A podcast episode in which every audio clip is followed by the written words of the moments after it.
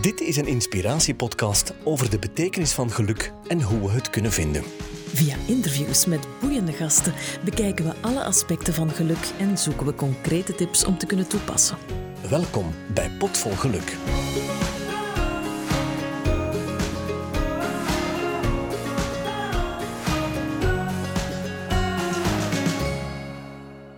Dit is alweer een nieuwe aflevering, een gloednieuwe aflevering van Pot vol Geluk. En ik ben zo enthousiast, ik ben zo content dat we hier eindelijk zijn aangekomen, Sophie. Ja, absoluut. Want we hebben vandaag een klepper van formaat kunnen strikken, namelijk professor Dr. Veenhoven. Hij is emeritus hoogleraar sociale condities voor menselijk geluk aan de Erasmus Universiteit te Rotterdam. Ik weet niet meteen wat ik van een geluksprofessor mag en moet verwachten, want zo wordt hij genoemd en dat lijkt me toch een heerlijke titel om te dragen. Maar hij is wel de trotse founder, de uitvinder van de werelddatabase van geluk, de World Database of Happiness. En eh, die database die gunt de wereld een actuele blik op duizenden onderzoeken, enquêtes en correlatiegegevens over geluk. En dat lijkt mij heel boeiend, als deze mens het niet weet, dan gaan we het niet vinden. Voilà. En hij gunt ons een interview. Dus we gaan er meteen in vliegen. We kunnen hem niet persoonlijk spreken. Ik bedoel, dat gaat wel, maar hij woont in Nederland. Dus dit wordt een podcast over de telefoon. Ik stel voor dat we hem meteen bellen. Luc Veenhoven. Goedemiddag, meneer Veenhoven. U spreekt met eh, Luc en Sophie hier van Potvol Geluk. Ja, hallo. Goedemiddag, meneer Veenhoven. Hartelijk dank dat, dat u een uh, telefonisch interview met ons wil doen. Ik praat graag over mijn hobby. en het is blijkbaar al heel lang een hobby, want wij kunnen opmaken uit de voorbereidingen die we gemaakt hebben dat jij er al verschillende decennia mee bezig bent. Het is werkelijk een passie voor jou. Uh, ja, het is een uit de hand gelopen studentenpaper. Hoe ben je daarbij terechtgekomen? Wat heeft jou zo aangetrokken? Uh, nou ja, uh, geluk is natuurlijk sowieso een interessant onderwerp. En toen ik sociologie studeerde in de, de, jaren zestig, toen had je eigenlijk de eerste golf van dat er genoeg welvaart was. En toen was de kreet van de, we hadden nou genoeg welvaart en we moesten nu denken aan welzijn. Uh-huh. Maar ja, wat was welzijn dan precies? Nou ja, het, was, het was een tijd dat het politieke klimaat vrij links was. En welzijn werd vertaald in publieke goederen. Dus uh, sportvelden, uh, bibliotheken. ja, allemaal niks mis mee. Maar ja, toch ook een stukje welvaart. Alleen welvaart die je koopt in de winkel van vader staat. Uh-huh. Dus toen, ja, toen ik daar een papertje over moest schrijven, toen, toen dacht ik van ja, nee, je moet eigenlijk kijken naar welbevinden. Mm -hmm. zijn uh, mensen nou echt, uh, voelen ze zich beter, laten we zeggen, in het gesubsidieerde buurthuis dan in het commerciële café? Nou, ik dacht dat het biertje overal even, even goed zou smaken. Nou ja, en zo, uh, dat was een van de redenen dat ik daarin geïnteresseerd raakte. Uh, een tweede reden is dat je tegen die tijd ehm, met je medestudenten ziet dat het met sommigen beter gaat dan met de anderen. He, hoewel we allemaal toch in de bevoorrechte positie verkeerden dat we mochten studeren, ja, mhm. zag ik ook mensen die uh, ja, echt al problemen hadden, uh, uh, depressief waren, niet wisten waar ze heen moesten. Ja, en in die tijd waren er nog niet de levenscoaches die je vandaag hebt. Mhm. Dus ja, dat, dat, dat boeide me ook. En een derde ding was dat in het politieke klimaat van die tijd uh, waren er veel mensen die uh, dachten dat het leven beter was in de communistische landen. en veel van mijn medestudenten die hadden posters van Che Guevara op hun kamer hangen. en die dachten dat het leven onder socialisme veel leuker zou zijn. Nou ja, dacht ik van, uh, dan moet je ook kijken of de mensen daar inderdaad gelukkiger zijn. Inderdaad. Uh, nou ja, al die dingen bij elkaar, dat maakte dat ik geïnteresseerd raakte in geluk. En dat ik op zoek ging naar onderzoek uh, naar geluk. En ja, toen ik daarmee eenmaal bezig was, ben ik er verder niet meer mee opgehouden. Dat klopt, dus uw studentenpaper is dan op termijn uitgegroeid tot een World Database of Happiness. Wat waren daar de meest opvallende bevindingen van? Nou ja, er zijn er veel. de een is dat in ieder geval in westerse landen de meeste mensen gelukkig zijn. En dat het geluk ook in de meeste landen langzamerhand toeneemt. Dus dat is eigenlijk een positief iets. Dat is eigenlijk vrolijk ja, dat is een positief iets, ja. Ja. Dat is toch een ander beeld dan je krijgt als je de krant leest. Ja, dat klopt, vandaar. Uh, ja. Heb jij die meetinstrumenten zelf bedacht? Heb je die zelf uitgevonden? Of heb je die ergens op de kop kunnen tikken? Ik tik ze op de kop. Um, en dan maak ik daar wel een duidelijke selectie bij. Want je moet natuurlijk wel duidelijk definiëren wat je onder geluk verstaat. Mhm. Nou, ik versta onder geluk levensvoldoening. Hè, hoeveel plezier je zelf hebt in het leven wat je leidt. Nou ja, dat is iets wat je uh, aan mensen kunt vragen. Maar dan moet het wel een heldere vraag zijn. Dus ik selecteer onderzoek hè, dat zich richt op levensvoldoening, dat op een adequate manier vraagt. Hm. En de resultaten daarvan, die verzamel ik en die stop ik in de World Database of Happiness. En uh, ja, daar zitten er nou zo'n 30.000 uitkomsten zitten erin. Oké, maar dus u hebt een, een soort formule, een, een uh, zoekinstrument bedacht waar dat u het geluksniveau van mensen kan meten. En bent u dan wereldwijd op zoek gegaan naar antwoorden?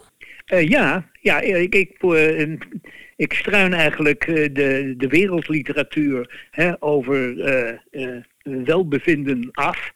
En daar selecteer ik uit de onderzoekingen die uh, levensvoldoening hè, op een adequate manier gemeten hebben.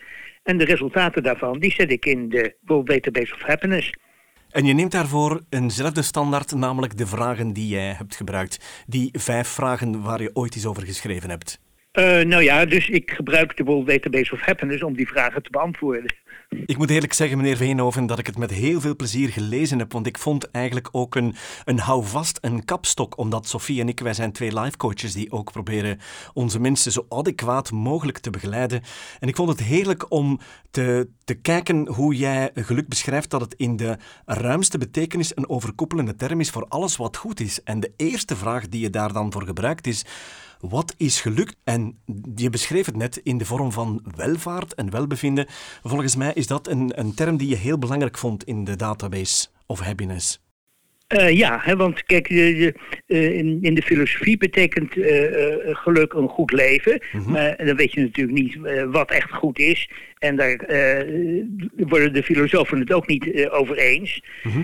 Um, nee, ik definieer geluk hè, als een prettig leven dus als, de, als, je voldoening schept in je leven als geheel. Mhm. Nou ja, en dat uh, is iets, daar hebben mensen een idee over. Uh, en dat kun je ze dus vragen. En ik uh, richt mij dus op onderzoek dat die vragen gesteld heeft. En daarvan verzamel ik de uitkomsten. Maar de antwoorden van de respondenten is dan gebaseerd op hun gevoel. Uh, ja, als je mensen vraagt van uh, ja, hoeveel voldoening schept u in uw leven, dan gaan mensen dus in eerste instantie uh, af op hun gevoel. als je depressief bent, dan zul je niet zeggen dat je gelukkig bent. Maar ze kijken ook wel een beetje verstandelijk. heeft het brengt het leven mij wat ik ervan verwacht? Ja, ja, ja. He, dus er, er zit zowel een gevoelsmatige component uh, in het antwoord, maar ook een meer verstandelijke component. Ja, want dat brengt ons dan uh, automatisch bij die tweede stelling en dat is, is geluk meetbaar? Uh, ja, nee, ik zeg eigenlijk helemaal ja. Want ja, geluk, als je dat definieert als een bewustzijnstoestand, nou dan weten mensen het dus. Dus kun je het vragen. Alleen dat moet je natuurlijk wel op de goede manier doen. Dat moet je doen met een heldere vraag. Mhm. En uh, je moet dat ook doen uh, met een zekere anonimiteit. Mm je kunt uh, niet, als de, de vrouw ernaast zit, zeggen van... ja, meneer, hoe gelukkig bent u eigenlijk? Mm want als hij dan zegt, nou, niet zo gelukkig... dan wordt hij scheef aangekeken door zijn vrouw. Ja, ja, ja. Maar het is ook tijdgebonden, hè? Vandaag is morgen niet. Nou, um, uh, mensen die kunnen goed uh, een onderscheid maken uh, tussen hoe ze zich vandaag voelen. He, je kunt bijvoorbeeld vandaag chagrijnig zijn, uit je bed komen mhm. -huh. met het verkeerde been. maar als je dan vraagt van ja, maar hoe voel je je nou over het algemeen, dan kunnen mensen dat onderscheid heel goed maken. Kan je ons een beeld geven van hoe dat wij Belgen en Nederlanders ons vandaag de dag voelen in vergelijking met de andere werelddelen? Uh, nou ja, wij voelen ons uh, best goed. Als je geluk uitdrukt uh, op een schaal van 0 tot 10, dan is het gemiddelde in België 7,5 mm -hmm. okay. en in Nederland 7,9. Oké, okay. en van waar denkt u dat u jullie iets hoger scoren? Um, nou, dat zit in een patroon wat je uh, ook ziet als je heel Europa bekijkt. Want de Denen zijn nog gelukkiger en dat is, uh, daar is het 8,2. Um, en dat heeft verschillende oorzaken. Um, de belangrijkste zou ik denken is uh, dat als je in West-Europa van noord naar zuid gaat, mm -hmm. dan wordt het het, noorden is het meest individualistisch. En naarmate je meer naar het zuiden gaat, wordt het wat collectivistischer. En dus eh, de, eh, de Fransen zijn ook weer wat collectivistischer dan de Belgen. En die zijn ook minder gelukkig. Oké, dat vind ik wel heel interessant. Want ik zou net het, anders, het andersom denken of verwachten. Namelijk wanneer het er een groepsgevoel is, dat het, het geluksniveau zou stijgen. Dus dat is eigenlijk niet uh, nee, maar uh, uh, groepsgevoel, dat betekent ook sociale druk. En dat betekent ook heel vaak dat je eigenlijk niet vrij bent om keuzes te maken in het leven. Hè, dus in een collectivistische maatschappij hebben je ouders bijvoorbeeld meer over je te vertellen. En onder andere met wie je gaat trouwen. -hmm. Nou ja, en als je moeder de ideale schoonzoon uitkiest uh, dan kon het, uh, is het toch over het algemeen niet de meest spannende jongen. Ja, dat klopt. Ik denk ook meteen aan um, ja, jaloezie of moeten opwerken tegen de verwachtingen van een job, van uh, ja, vriendschappen, van ja, onze, onze kapitalistische wereld een beetje. Uh, ja, nou, die nadelen van de kapitalistische wereld die zijn er zeker. Maar daar staan uh, ook weer grote voordelen tegenover. En in het gemiddelde geluk zie je de balans van de voor- en nadelen. En dan blijkt uh, dat uh, ja, in de moderne, hè, geïndividualiseerde landen mensen over het algemeen gelukkiger zijn dan in de wat meer collectivistische en ook vaak ook wat traditionalistischer landen, mm-hmm. waar de familiebanden wel sterk zijn, maar de vrijheid gering. Ja, ja, ja. Ik zie het plaatje wel, ja. Meneer Veenhoven, het is niet alleen geografisch bepaald hoe gelukkig wij in potentieel kunnen zijn, maar heeft het ook te maken met de kansen die je van thuis uit meekrijgt of van je, van je omgeving? De loop van de gebeurtenissen, spelen die ook een rol? Uh, ja, de loop van de gebeurtenissen spelen een rol en het milieu van herkomst speelt ook wel een rol. Uh, al is het effect van het milieu uh, van de plek op de sociale ladder waar je zit, is eigenlijk veel kleiner dan je zou denken. Mhm. Dat is een van de verrassingen van het onderzoek. En je ziet bijvoorbeeld dat eh, mensen die sociaal stijgen, hè, dan zou je denken van nou ja, die krijgen dus een betere baan, een groter huis en meer aanzien. Nou, die worden nauwelijks gelukkiger. Uh, want uh, ja, aan sociale stijging zitten ook nadelen. Uh, onder andere dat je vervreemdt van je familie. Mm ik moet meteen ook de bedenking maken. Ik ben ook nog uh, leerkracht in het deeltijds onderwijs uh, in de stad Leuven. En ik heb een aantal studenten waarvan ik echt van denk... Goh, moest jij in een ander gezin geboren geweest zijn, je had meer kansen op geluk gehad. Uh, waarmee ik bedoel dat sommigen precies van bij de wieg al gedoemd zijn tot een veel moeilijker leven. Uh, ja, dat is natuurlijk zo en dat, uh, dat zie je ook, uh, ook wel in de cijfers terug. En dat heeft natuurlijk veel mechanismen. een daarvan is genetisch. Als je moeilijke ouders hebt, hè, dus de kans dat je een moeilijk kind wordt natuurlijk iets groter. Mm -hmm. En ik denk dat het ook een belangrijk deel is de levensvaardigheden die je aangeleerd krijgt in, je, in je gezin. Mm -hmm. En ja, ik denk dat uh, een deel van de dingen die jullie als lifecoach nu doen, dat dat uh, inhaalwerk is van wat in de familie in de tijd niet gebeurd is. Ja. ja, ik vind het soms ook een heel ja, pijnlijke vaststelling. Wat zou u zo'n mensen kunnen aanraden? nou ja, als, als je niet gelukkig bent uh, en uh, je weet eigenlijk niet waarom, nou, dan zou ik dus naar een life coach gaan die je helpt om uit te vinden waar het probleem in jouw geval in zit. Mhm. En ja, dat probleem dat zit toch heel vaak in de levensvaardigheden en in de levenskeuzes die je maakt. Mm dus als je ehm, eh, ja, eh, kiest voor de ideale schoonzoon van je moeder en eh, het beroep wat je vader ehm, het meest leuk voor je vindt, ja, dan is de kans dat het geen van beiden erg lekker zit vrij groot. Ja, en dan ben je natuurlijk wat minder gelukkig. Mhm. Ja, ja, we spreken daar wel regelmatig over, over dat symbolisch doorbreken van die negatieve, vicieuze cirkel. Maar het is absoluut niet zo ja, gemakkelijk als het klinkt. Hè? Nee, maar uh, als ik nu toch kijk naar uh, wat de effecten zijn van psychotherapie mhm. en wat ook de effecten zijn van gelukstrainingen, nou, die helpen best. Zit er een verschil tussen die twee, meneer Veenhoven? Nou ja, het is vooral de cliëntele. Hè?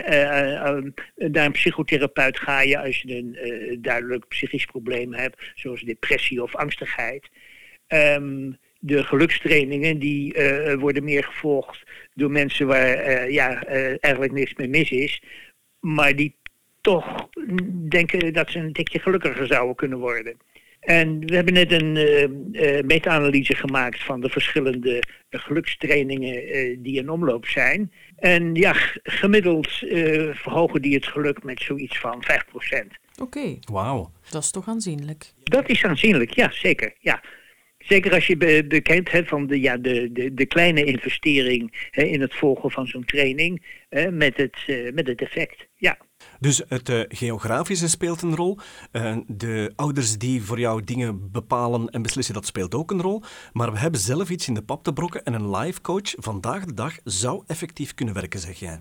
ja, en ik denk ja, vooral, wij, wij leven in een meer keuzemaatschappij. en dat is ook een van de redenen dat we zo gelukkig zijn. Mm maar ja, eh, dan moet je wel de juiste keuzes maken. Mhm. En dat is, eh, dat is behoorlijk lastig. En eh, wat dat betreft, ja, is een life coach ik denk dat dat ook het beroep van de toekomst is. Oké, dat is goed nieuws voor Luc en mezelf. hebben we juist oh, gekozen. dan zijn we op de goede weg, Sophie. Ja, voilà. Ehm, ik vroeg me ook af, uh, want een van de bevindingen die ik ook super interessant vind en, en zeker waardevol om te delen, is dat geluk eigenlijk niet recht evenredig is met het, uh, het aantal geld dat je bezit.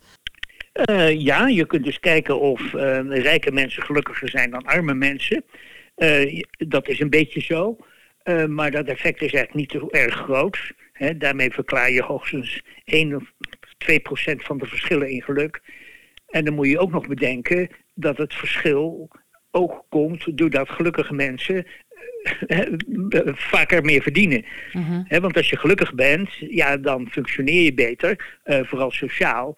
En ja, dan kom je ook makkelijker in de beter betaalde banen terecht. Maar goed, ja, dat, dat het effect zo klein is, dat komt natuurlijk omdat we eigenlijk heel rijk zijn. En dan maakt het niet zo gek veel meer uit of je nou eh, heel veel of wat minder verdient. Ja, ja, van zodra dat uw basisbehoeften voorzien zijn, is de rest puur luxe. Ja, zo zou je het kunnen zeggen, ja. Ik heb toch nog een uh, laatste vraag, meneer Veenhoven. Uh, mensen die dus geboren worden in een niet zo rijk land en die niet meteen alle kansen gekregen hebben, merken we in jouw database dat die mensen toch nog op een of andere manier kunnen uitstijgen? Nou, dat is best lastig voor die mensen. als je kijkt naar uh, arme landen, dan is het gemiddelde geluk daar heel laag. En dus uh, het laagste wat we op het ogenblik hebben, dat is in Togo, met een gemiddelde van 3,5. Nou, een gemiddelde van 3,5, daar zitten heel wat ene bij hoor, wil je dat krijgen. En uh, uh, ja, ehm, en als die mensen erin slagen om dat land te ontvluchten, de migranten, dan blijkt dat die ook aanzienlijk gelukkiger worden in de eerste generatie niet zo gelukkig als de mensen die er al woonden. Want uh, ja, uh, er zit natuurlijk ook een prijs aan, uh, aan de migratie. maar ja, in, beter, in een beter land worden mensen wel degelijk gelukkiger. En wat bepaalt dan exact die graad of die mate van ongelukkigheid? Is dat dan het, het regime of het feit dat ze geen geld hebben? Om in die ja, heel veel dingen bij elkaar. Um, vaak in die landen eh, die zijn politiek instabiel. Mhm. Hè, dus uh, de uh, overheidsvoorzieningen die, die zijn er niet. Er zijn geen pensioenen. En als je werkloos bent, ja, jammer dan. En daardoor raak je ook heel afhankelijk van je familie. En in sommige landen ook van de stam.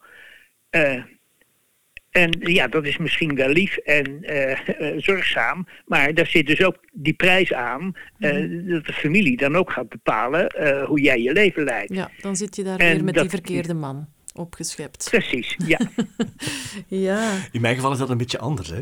Maar goed, meneer Veenhoven, ik dacht vroeger dat een warm land en dicht op de evenaar wonen, dat dat mij gelukkig maakte. Maar eigenlijk moet ik nu concluderen dat we aardig op weg zijn in West-Europa? Eh, ja, nee, het, het, uh, het, geluk is behoorlijk afhankelijk van het politieke systeem. En wat daarbij dan vooral uh, van belang is, is eigenlijk de kwaliteit van de overheid.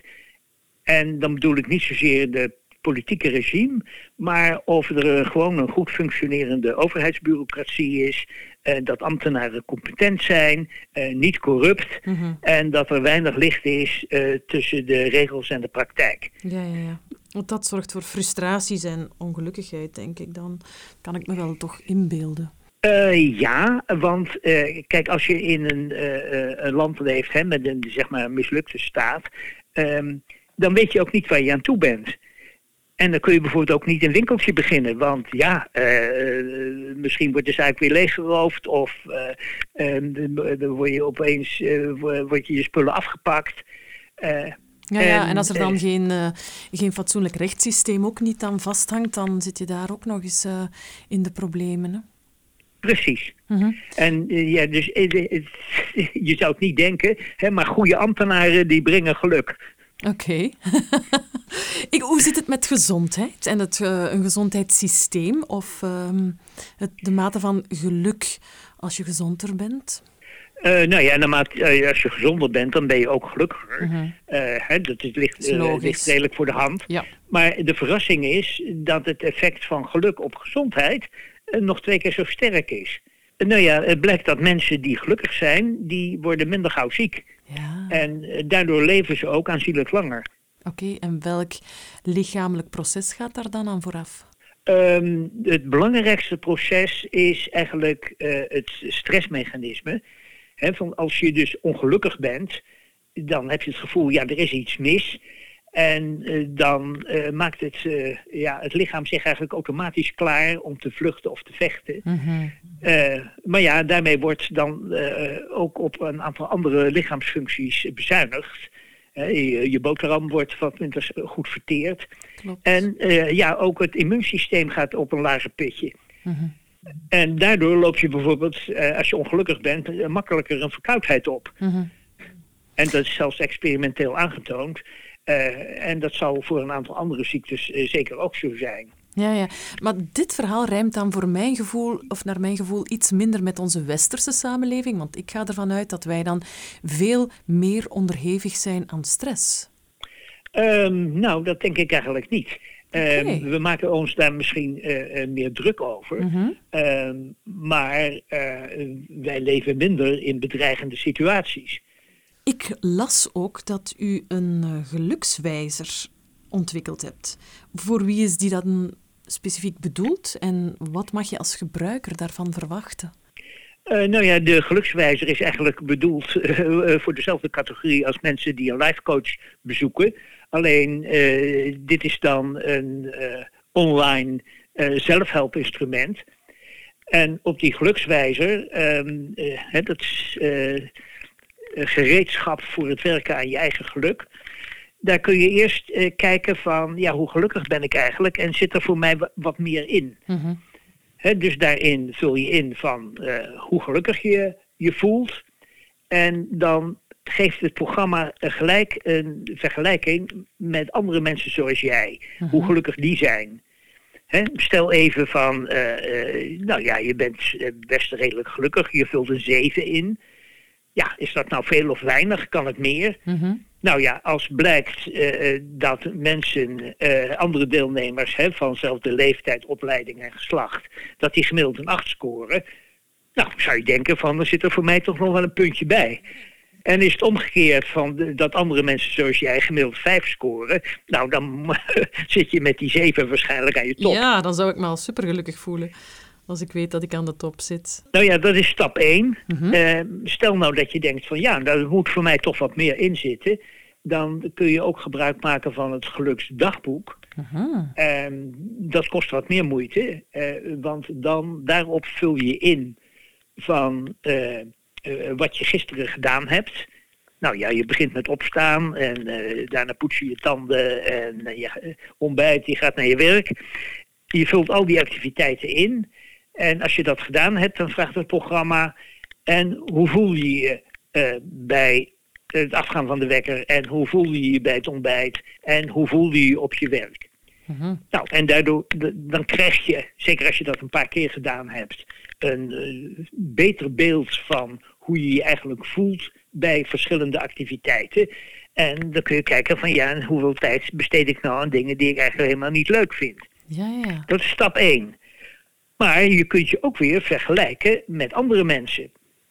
En stel eventjes dat eh, eh, nou, je voelt je prima bij het ontbijt, eh, maar zodra je op je werk bent, zakt het stemmingsniveau toch naar een 5. Mhm.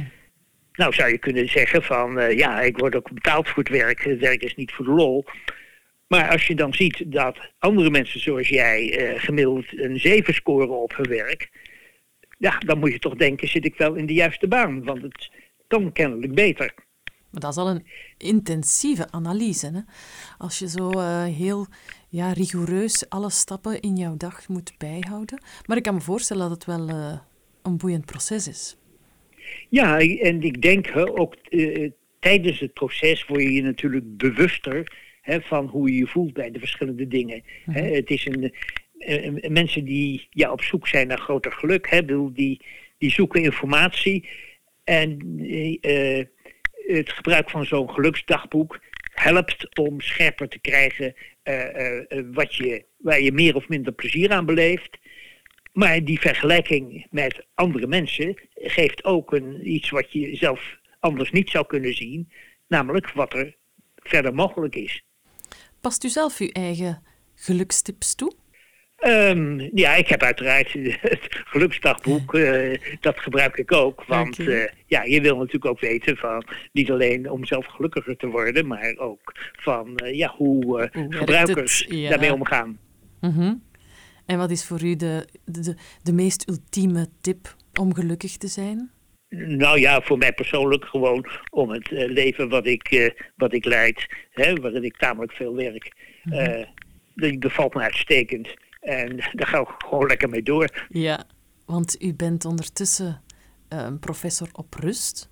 Maar wil dat dan zeggen dat u toch nog van alles eh, van activiteiten onderhoudt voor, eh, op, op jobmatig niveau? Eh, ja, nee, ik werk gewoon door. Eh, alleen ik word nu niet meer betaald door de universiteit, maar door het pensioenfonds. Oké, gelukkig maar. Ja, gelukkig maar, ja. Wat ik me toch afvroeg, eh, meneer Veenhoven, hoe voelt dat om geluksprofessor genoemd te worden? Eh, ja, dat vind ik eigenlijk wel leuk, want het, eh, eh, de, het klinkt misschien een beetje populair, maar het geeft precies aan waar het over gaat. Ik moet eerlijk zeggen, ik heb uitgekeken naar dit interview, absoluut wel. En wat ik gehoord heb is zeer boeiend. Sluit aan bij het werk dat wij ondertussen verrichten. En ik kan alleen maar besluiten dat we op de goede weg zijn, dat jij dat ook gedaan hebt en dat we dit maar al te graag met iedereen willen delen in Vlaanderen en Nederland. Mooi zo. Mogen wij jou van harte bedanken voor dit eh, superleuke interview en jou heel veel succes wensen bij hetgeen wat je doet. Oké, graag gedaan. Dankjewel. Succes. Leuk bedankt. Dag. Dag. Heb je inspiratie gevonden uit deze aflevering of kan je het aanbevelen aan anderen? Like of share onze podcast via iTunes, Spotify of jouw podcast-app. Of geef ons een review. Deel ook gerust je eigen ervaringen via onze social media kanalen of via potvolgeluk.be. Deze podcast is een samenwerking tussen School of Luck en Gabriel's House.